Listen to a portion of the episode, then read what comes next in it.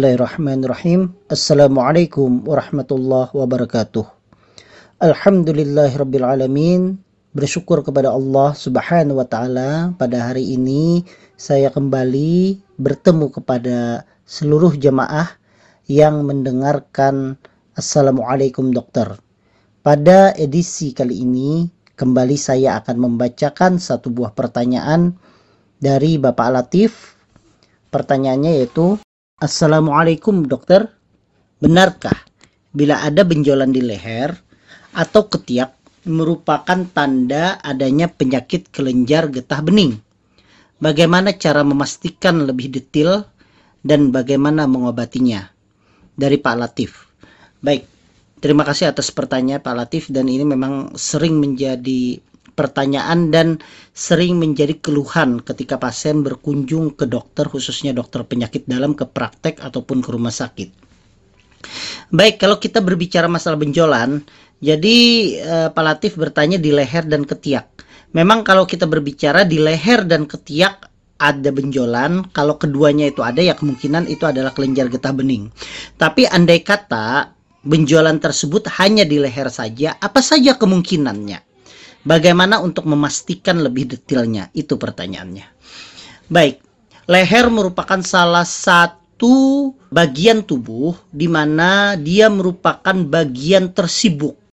Kenapa bagian tersibuk saya sampaikan? Karena di sana adanya tenggorokan, tempat manusia bernafas lewat aliran nafas.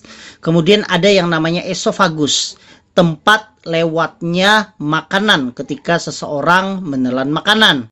Kemudian tempat lewatnya pembuluh darah, baik pembuluh darah arteri maupun pembuluh darah vena. Kemudian lagi terdapat kelenjar. Salah satunya adalah kelenjar getah bening. Kemudian ada juga di samping kanan dan kiri sebelah atas itu ada kelenjar ludah. Kemudian ada lagi tiroid, kelenjar tiroid Kemudian ada lagi yang namanya laring. Ya laring itu adalah bagian dari saluran nafas di mana laring itu bertanggung jawab terhadap terjadinya suara. Ya artinya terjadinya kita bersuara seperti itu. Nah kembali lagi pertanyaannya kalau seandainya ada benjolan di leher maka kemungkinan apa saja? Nah jadi kalau tadi saya memberikan ada beberapa organ di leher tempat kita di bagian tubuh kita ini berarti kemungkinan benjolan itu akibat dari organ-organ tersebut. Tidak hanya kelenjar getah bening. Nah kalau yang membesar itu adalah kelenjar getah bening disebut dengan limfadenopati namanya yaitu pembesaran kelenjar getah bening. Kalau kelenjar getah beningnya itu meradang maka dia disebut dengan limfadenitis nah apa bedanya limfadenopati dan limfadenitis? Keduanya merupakan sama-sama pembesaran kelenjar getah bening dan keduanya sama-sama jinak, artinya dia tidak ganas. Tetapi perbedaannya adalah kalau limfadenopati itu dia tidak meradang. Biasanya ini terjadi karena pembesaran itu misalnya pada seseorang yang ada infeksi atau orang dengan adanya kelelahan atau orang dengan adanya e, peradangan yang kronik di tubuhnya sehingga terjadi pembesaran kelenjar getah bening. Tetapi ketika diraba, kelenjar getah beningnya itu tidak terasa nyeri dan tidak terasa hangat. Itu namanya limfadenopati.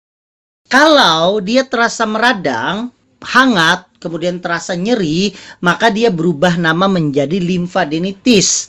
Limfadenitis itu artinya benjolan kelenjar getah bening yang membesar karena adanya dengan disertai adanya peradangan. Misalnya seperti pada pasien penderita TB ya TB paru biasanya itu juga terjadi pembesaran kelenjar getah bening dan meradang sehingga kalau itu karena TB, kelenjar getah beningnya kita bisa mendiagnosanya dengan limfadenitis TB misalnya seperti itu. Itu adalah contoh. Nah, kemudian ada juga kelenjar getah bening yang sifatnya itu ganas. Nah, pembesaran kelenjar getah bening yang sifatnya ganas itu disebut dengan limfoma atau disebut dengan kanker kelenjar getah bening. Kanker kelenjar getah bening itu terbagi. Ada yang namanya Hodgkin, ada namanya non-Hodgkin. Nah, bagaimana caranya untuk memastikan itu? Maka pembesaran di leher, apalagi kita misalnya mencurigai bahwa itu uh, pembesaran kelenjar getah bening, maka dapat dilakukan pemeriksaan namanya biopsi.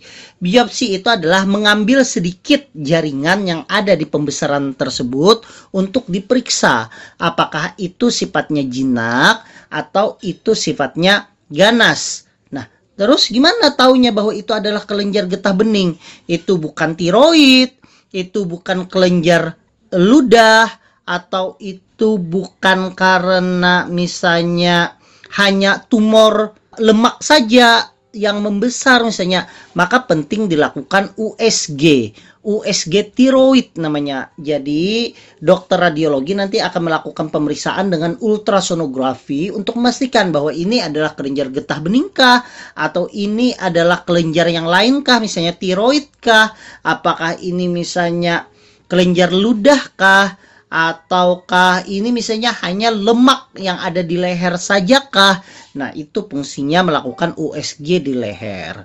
Nah, kembali lagi untuk menentukan itu dilakukan namanya biopsi dengan cara mengambil sedikit jaringan dengan menggunakan jarum kecil yang ditusukkan ke benjolan tersebut. Kalau dia sifatnya ganas berarti kalau dia kelenjar getah bening namanya limfoma. Kalau dia tidak ganas berarti dia hanya limfadenopati atau limfadenitis kalau disertai dengan peradangan. Nah, jadi yang pertama itu pembesaran itu bisa karena kelenjar getah bening. Tapi apakah 100% kalau di leher itu ada pembesaran kelenjar getah bening? Ya tidak. Banyak diagnosa yang lain. Misalnya tiroid. Nah, kalau tiroid itu biasanya disertai dengan gejala-gejala seperti yang pertama orangnya berdebar-debar. Kalau tiroidnya itu e, beracun atau orang awam nyebutnya dengan gondok. Gondoknya itu beracun. Nah, disertai dengan misalnya gemetaran, keringatan, berat badan yang turun dan mata seolah-olah seperti melotot. Nah, itu kalau gondoknya beracun. Ada juga gondoknya tidak beracun. Kalau gondok tidak beracun itu dia hanya kelenjar tiroidnya saja membesar tetapi hormon tiroidnya tidak meningkat. Nah, itu namanya gondok yang tidak beracun. Untuk mengetahui apakah itu kelenjar tiroid, apakah itu kelenjar getah bening ya sekali lagi untuk membedakannya paling baik itu adalah dengan menggunakan pemeriksaan USG di leher atau ultrasonografi di leher. Kemudian apalagi diagnosa yang lain selain gondok? Ada lagi namanya peradangan kelenjar ludah disebut dengan parotitis atau dalam bahasa Banjar itu disebut dengan kabagusan. Itu adalah pembengkakan di leher akibat dari kelenjar ludahnya itu meradang. Bisa karena virus atau bisa karena infeksi lainnya. Nah, kalau ini yang terjadi biasanya nyeri sekali, kemudian terasa panas di daerah benjolan tersebut dan memang salah satunya untuk memastikan bahwa itu adalah kelenjar ludah adalah dalam pemeriksaan USG. Obatnya apa? Obatnya ya tentunya bisa diberikan obat anti panas dan anti radang dan kalau perlu kalau disertai adanya infeksi sekunder bisa diberikan antibiotik. Kemudian yang lain adalah yang tak kalah penting juga sering terjadi itu adalah tumor jinak lemak. Jadi ternyata lemak itu bisa menyebabkan benjolan. Nah, kadang kalau ini terjadi, kita USG dan ternyata tumor jinak lemak, ya kita sampaikan kepada pasien bahwa ini sebenarnya tumor jinak lemak, tidak perlu diapa-apai. Andai kata memang terganggu, boleh dikonsulkan ke dokter bedah untuk dilakukan pengangkatan tumor jinak tersebut dengan dioperasi. Seperti itu. Jadi, kepada Pak Latif tidak usah khawatir. Kalau ada benjolan, misalnya dia khusus di leher saja, maka banyak sekali diagnosanya. Bukan hanya kelenjar getah bening dan andai pun itu kelenjar getah bening belum tentu dia ganas, bisa saja dia jinak. Banyak sekali diagnosanya. Tidak perlu khawatir. Cuma yang saya tekankan, kalau kelenjar getah bening itu tidak hanya di leher saja kumpulannya, bisa di ketiak, bisa di inguinal. Inguinal itu mohon maaf di selangkangan, bisa juga di dada, bisa juga di perut.